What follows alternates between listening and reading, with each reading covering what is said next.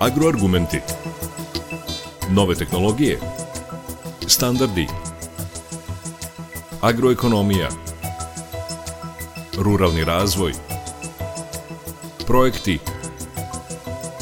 Investicije. Preduzetništvo. Biljna proizvodnja. Stočarstvo. Agroargumenti. Uređuje Đorđe Simović.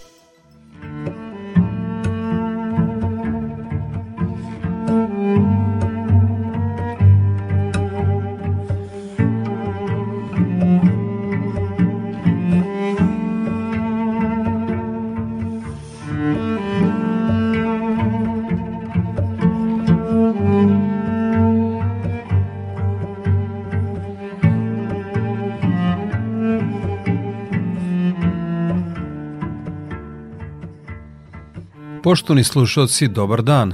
U poslednje dve decenije podigli smo kvalitet vina proizvedenog u Srbiji, a to je potvrđeno brojnim nagradama na međunarodnim ocenjivanjima.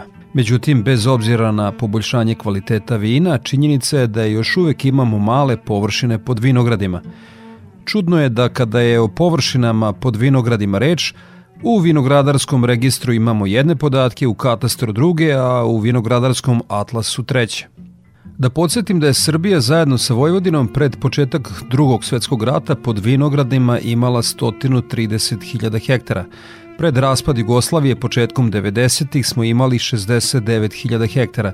U registru koji se vodi u Ministarstvu poljoprivrede pod vinskim sortama popisano je 7.200 hektara, a u vinogradarskom atlasu se navodi da imamo 21.000 hektara. Bez obzira na sve ove različite podatke o površinama, Za podizanje hektara vinograda potrebno je i 20.000 evra, tako da ovom poslu treba pristupiti veoma studiozno. I toj važnoj temi ćemo posvetiti pažnju u današnjim agroargumentima. Toliko u uvodu slušamo Frajle i pesmu Noćas si moje vino.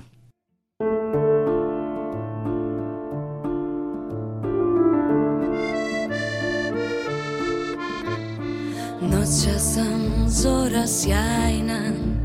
Noća sam duša stara Pašu mi tvoje ruke. Ko prstima gitara Noća sam samo žena. Ne pitaj šta mi je bilo Možda mi ljubavi treba A možda se previše pilo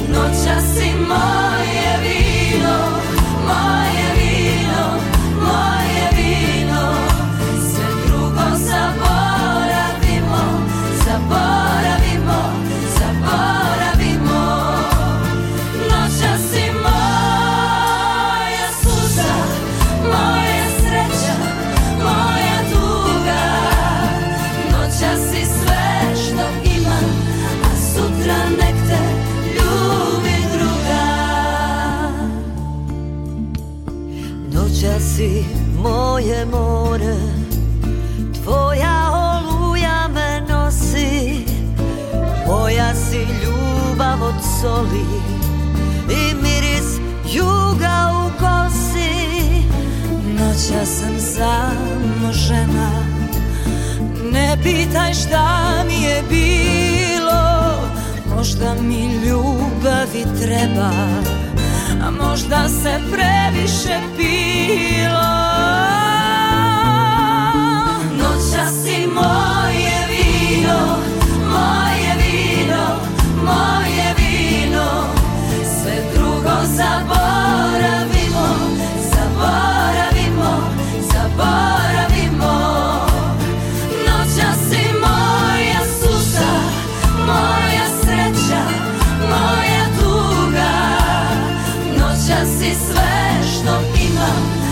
sutra.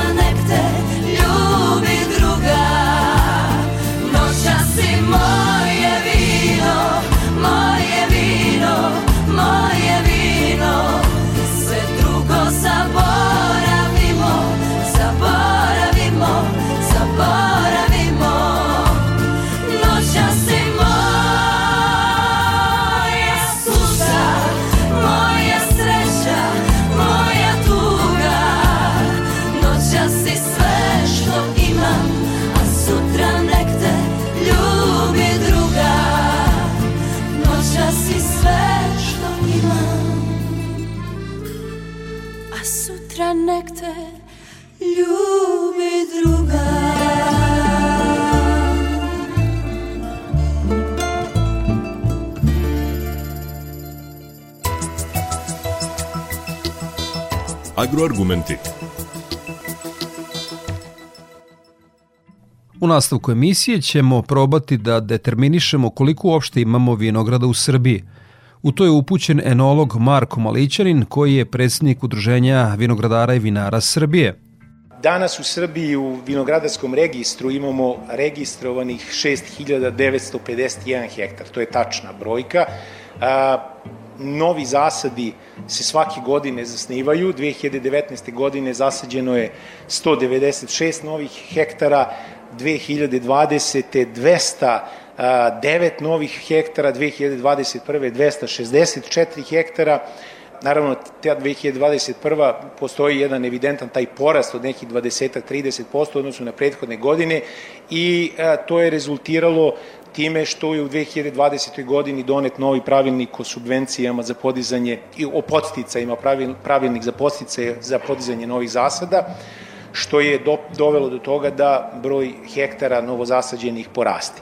Kada je o proizvodnji vina reč, Malićanin konstatuje da se velika količina vina prometuje u takozvanoj sivoj zoni. U Srbiji otprilike se na godišnjem nivou proizvede od 24 do 30 miliona litara vina. To su zaista podaci koje mi dobijamo, e, svaki proizvođač vina ima 417 registrovanih proizvođača vina i svaki proizvođač je dužan da dostavi Ministarstvu poljoprivrede popunjen taj V2 obrazac gde jednostavno izveštava ministarstvo o količinama proizvedenog vina. I to je neka količina od 24, 20 do 25 do 30 miliona od godine do godine. U Srbiji se godišnje proda oko 60 miliona litara vina. Od ovih 24, 25, nekih desetak miliona se izveze, znači 15 miliona se proda na srpskom tržištu i još od toga nekih 45 miliona litara uvezenog vina se proda na srpskom tržištu. Znači, odnos uvoz-izvoz je ogroman. Međutim, ono što brine mene, ako saberemo 2 i 2, u suštini recimo da imamo tih 7000 hektara pod vinovom lozom, iako ima više, i recimo da ti vinogradi rađaju nekih 7-8 tona po hektaru, mi dolazimo do neke količine od 60-70, odnosno od 60 miliona kilograma grožđa godišnje. Iako mislim da je ta količina značajno veća, kad uzmemo radman proizvodnje vina, mi onda dođemo do toga da se u Srbiji proizvede skoro duplo više vina nego što se prijavi u suštini. Volšebno negde nestaje nekih 20 do 30 miliona litara vina, nema ih.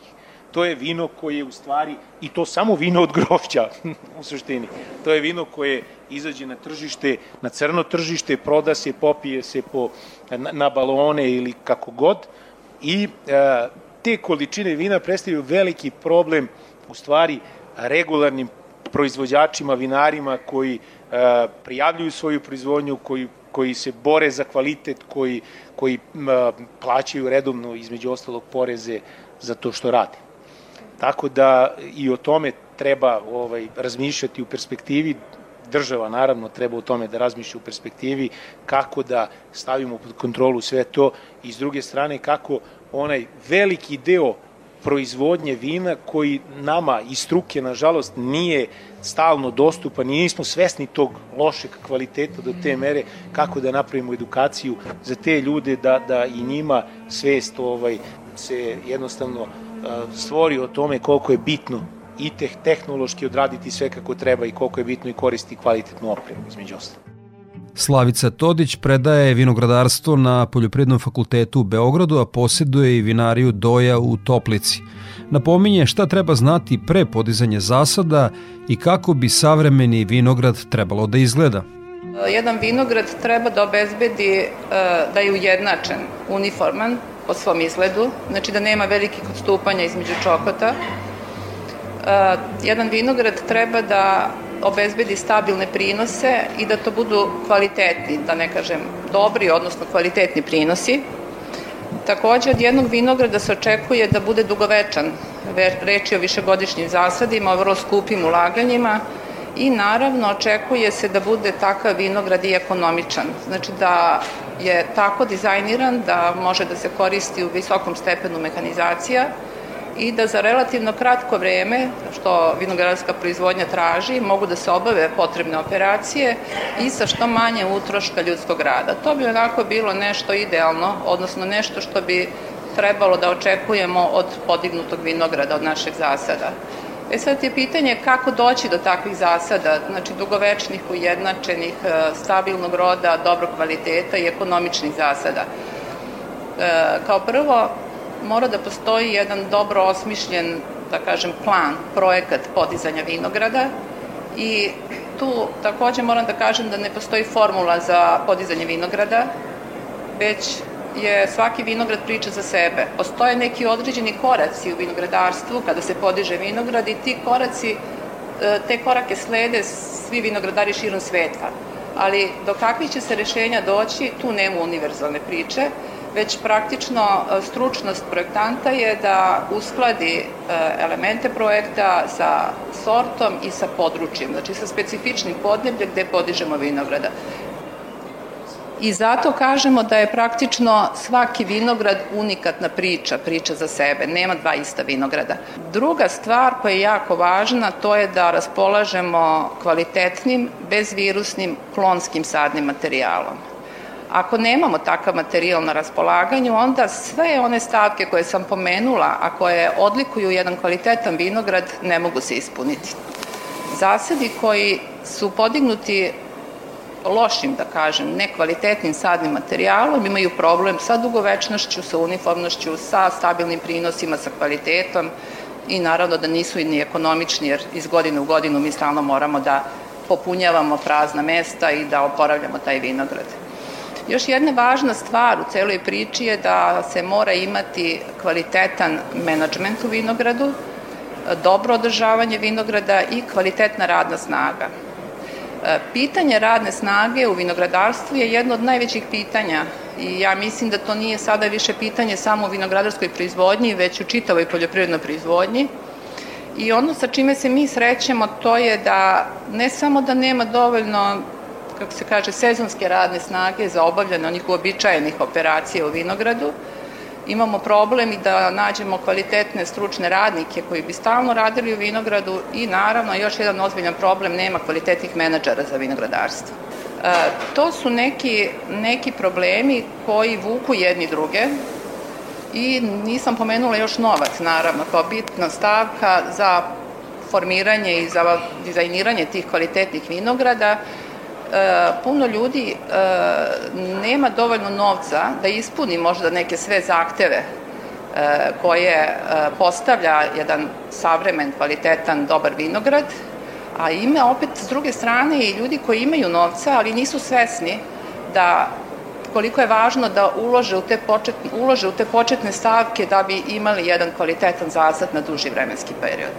Tako da tu postoji onako dosta povezanih problema i stvari koje, koje možda nas koče, ali ja kad posmatram proizvodnju uh, vin, vinarski sektor, znači vinski sektor, pa posmatramo vinarstvo, uh, vinogradarstvo i kao odvojenu uh, proizvodnju, proizvodnju sadnog materijala, ono što je evidentno da je u poslednje dve decenije najveći napredak ostvaren u, u onom enološkom u vinarskom delu, i u pogledu opreme, kvaliteta vina i, i kvaliteta stručnjaka koji to rade, znači tu se zaista najviše odmaklo, da se mnogo manje odmaklo, ali se opet nešto pomera i dešava u vinogradarskoj proizvodnji, ali da rasadničarska proizvodnja stoji u mestu. To je moje viđenje od prilike da rasadničarska proizvodnja ne ide u korak i ne može da prati razvoj vinogradarstva i vinarstva u Srbiji. To je jedan naš ozbiljan, ozbiljan problem. I predsednik Udruženja vinogradara i vinara Srbije Marko Malićanin napominje koliki je problem nedostatak kvalitetnih loznih kalemova. Srećemo se sa problemom a, nabavke kvalitetnih kalemova. Dakle, mi smo prošle godine u Srbiji je zasađeno 264 hektara novih vinograda. Ja bih baš volao da znam strukturu tih kalemova, koliko kalemova je uvezeno, koliko kalemova je proizvedeno u Srbiji osnova u podizanju vinograda je zaista kvalitetan kalem. Osnova u podizanju vinograda je da se uradi analiza zemljišta, da se stekne slika o, o, o terenu, ekspoziciji, gde mi podižemo taj vinograd, da se kontaktira stručnjak, da se angažuje stručna radna snaga, menadžment u vinogradu upravo da mi opredelimo šta je adekvatna podloga, kakva je sorta, upravo podložna, pogodna za, za, za gajenje na datoj lokaciji, da sve aspekte uzmemo u obzir i da pristupimo sadnji vinograda, jer prvenstveno sadnja vinograda nije kratkoročan posao. Vinograd je investicija koja treba da otplaćuje sebe i koja treba da bude ekonomična i rentabilna u narednih 30, 40, pa čak i 50 godina ukoliko se radi na kvalitetan način nije ni jeftino podići vinograd, cena podizanja vinograda po hektaru je nek, sad je neki 20.000 eura. To je znači jedna ozbiljna investicija i neko ko podiže vinograd, zaista najjeftinije je angažovanje kvalitetnih stručnjaka, najjeftinije je uraditi kvalitetnu analizu u dobroj laboratoriji uraditi osnovne hemijske i mikrobiološke parametre, uraditi pedologiju, videti šta, gde mi sadimo taj vinograd, šta ćemo da primjenimo, koju sortu, koju podlogu, kakav uzgojni oblik, kakav razmog, i, i, i, kakav razmog sadnje, to su jako, jako bitne stvari u sadnji vinograda, a onda dolazimo i na problem radne snage i, i primene mehanizacije. Enolog Mladen Dragojlović potpisao je nekoliko naših vina koje su osvojile nagrade na prestižnim svetskim ocenjivanjima. Konstatuje da smo mnogo veći napredak postigli u proizvodnji vina nego u vinogradu i proizvodnji grožđa.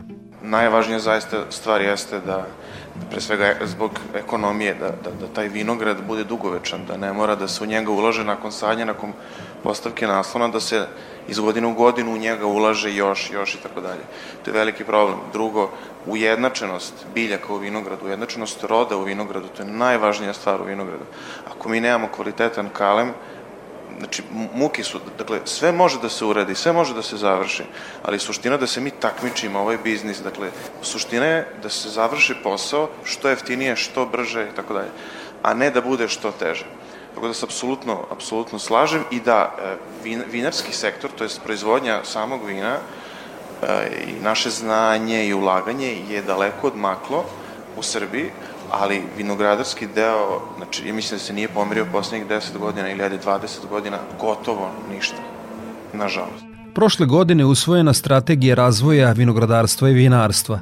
Ona predstavlja program razvoja te oblasti do 2031. godine. Dokument je usvojila vlada Srbije i on zapravo treba da doprinese da Srbija dostigne površine pod vinogradima kao i zemlje u okruženju, poveća udeo domaćeg vina na ovdašnjem tržištu više od 30%, kao i izvoz vina u Evropsku uniju i treće zemlje i stvori uslove za razvoj vinskog i seoskog turizma. Program je nastao na inicijativu Savez za vinogradara i vinara Srbije i Ministarstva poljoprivrede, sektora za ruralni razvoj, a doprinos u pisanju strategije dali su i Ministarstva za trgovinu i turizam i za financije, Poljprivredni fakulteti i Privredna komora Srbije. Predsednik Udruženja vinogradara i vinara Srbije Marko Malićanin naglašava šta strategije predviđa kada je reč o planu podizanja novih zasada vinove loze. Cilj je da se u narednih 10 godina podigne deseta hiljada hektara vinove loze i da to budu kvalitetni zasadi zaista. E, tu naravno postoje neki preduslovi koji moraju da se ispune da bi se to dogodilo, a to je e, prvenstveno e, komasacija zemljišta. Mi imamo veliki problem usitnjenosti vinogradarskih parcela. Danas u Srbiji imamo oko 7000 hektara pod vinovom lozom upisani naravno vinogradarski registar i ukupno imamo 22.600, čini mi se, vinogradarskih parcela. Znači, ako ovaj, uzmemo prosječnu površinu vinogradarske parcele, dođemo od nekih 0,3 hektara otprilike. To je jako sitna vinogradarska parcela koja baš i nije ekonomična i isplativa za rad. A, problem podizanja većih površina u suštini je problem sa zemljištem. Zemljište je iscepkano, zemljište nema vlasničku strukturu uređenu, neophodno je da se sprovede program komasacije, to je nešto na čemu smo mi iz Saveza insistirali i na radnim grupama insistiramo. Ja nisam siguran, bilo je reči da će taj zakon o komasaciji biti usvojen u prethodnoj godini, da li je usvojen ili nije, ja to ne znam. I onda ostaje na lokalnoj samoupravi da sprovede tu komasaciju i da zaista se stvore uslovi da imaju gde da se podignu vinogradi.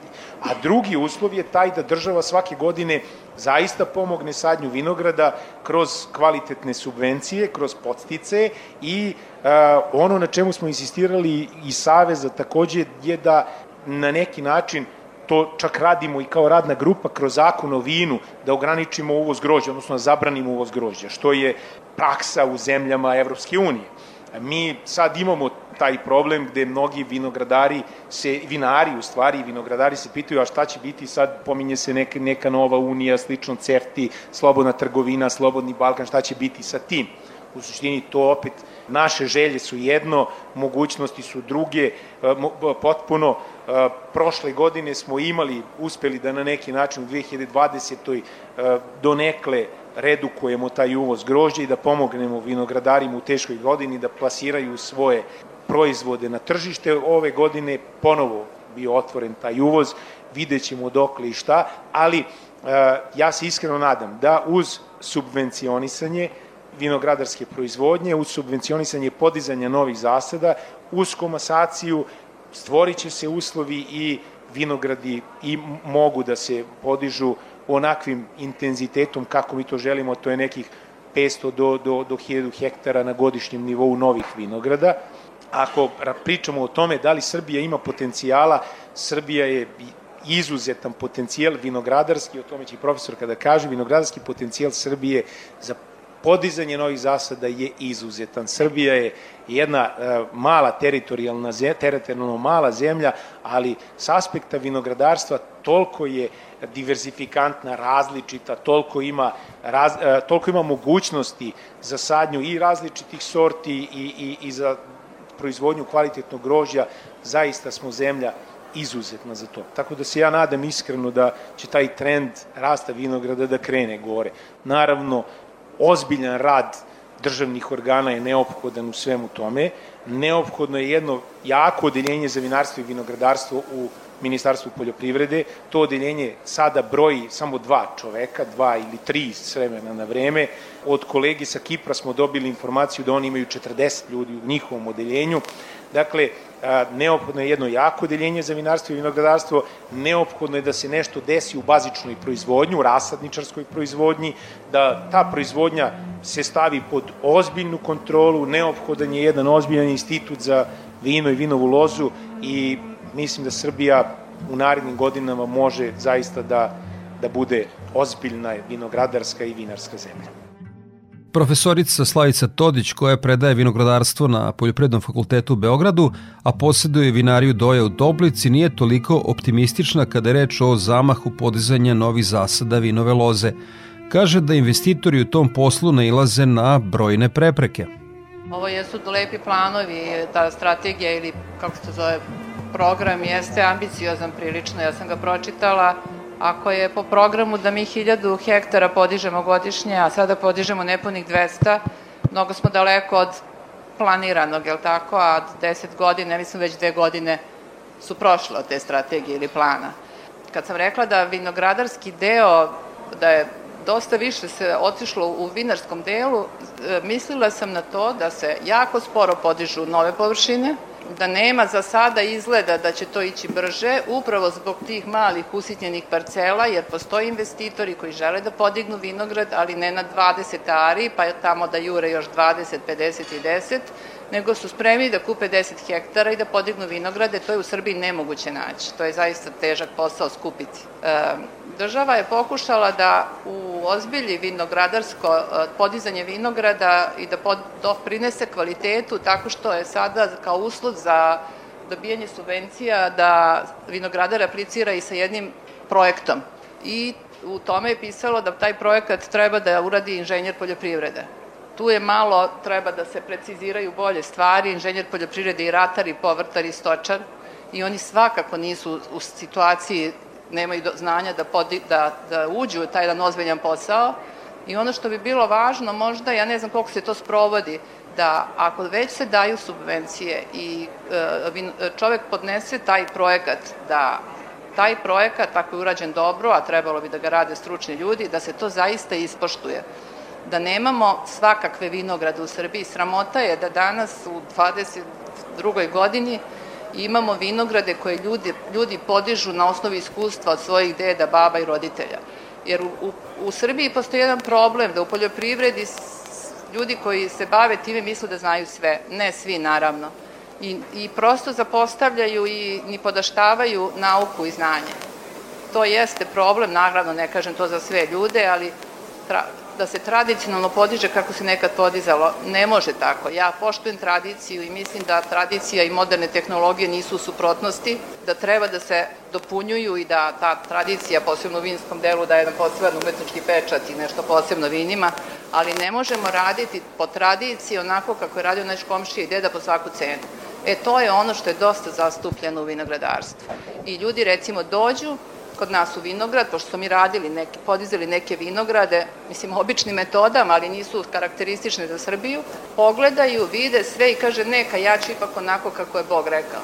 Tako da zaista imamo tu probleme da se malo ljudi pomere, e, da, da se njihova svest pomeri, da, su, da znaju da praktično kvali, do, većim ulaganja na početku, kvalitetnim vinogradom, stručnim radom, dobit će neuporedivo mnogo više nego sa vinogradima koji su podignuti, a to kako se nešto podizalo, ne uzimajući ovde mnoge druge činioce.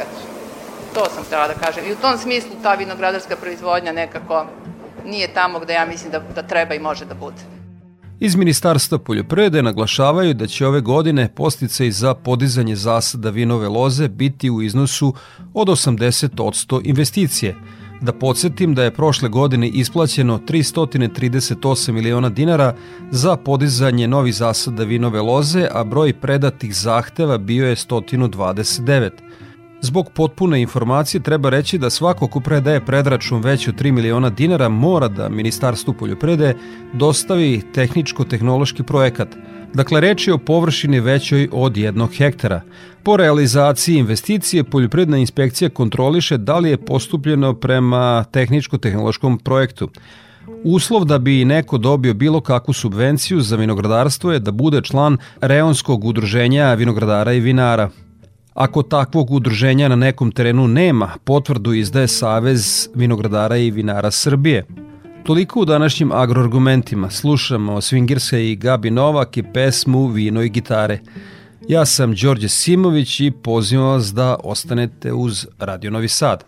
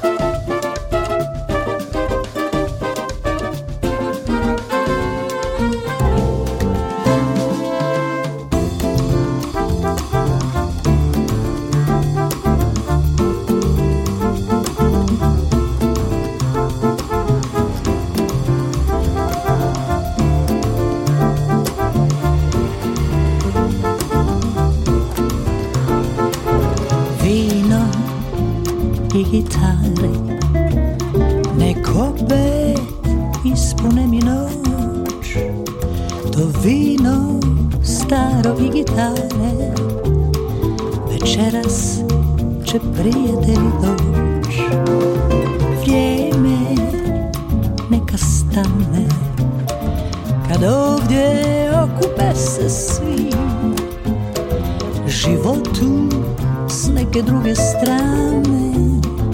Večeras stajat ćemo mi. I mladost neka ide život mora nekud poć. Pa i rane što se vide sve će proć.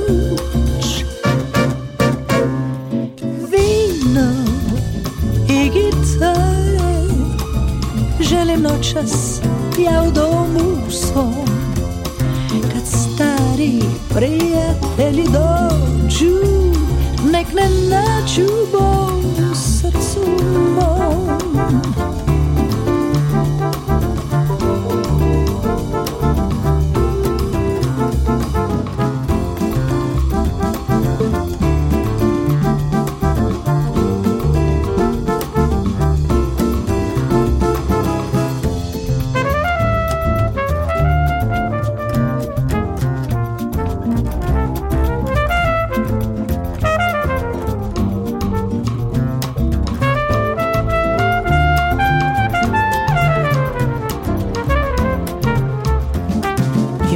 Mladost neka ide, život mora neku poć, a i rame što se vede sve će proć.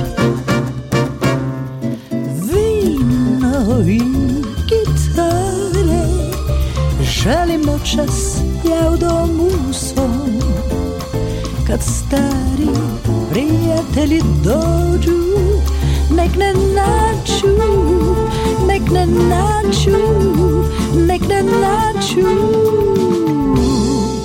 Bo u srcu mom, yeah, yeah, yeah. Love viva, vino i gitare, želimo čas ja u domu svom.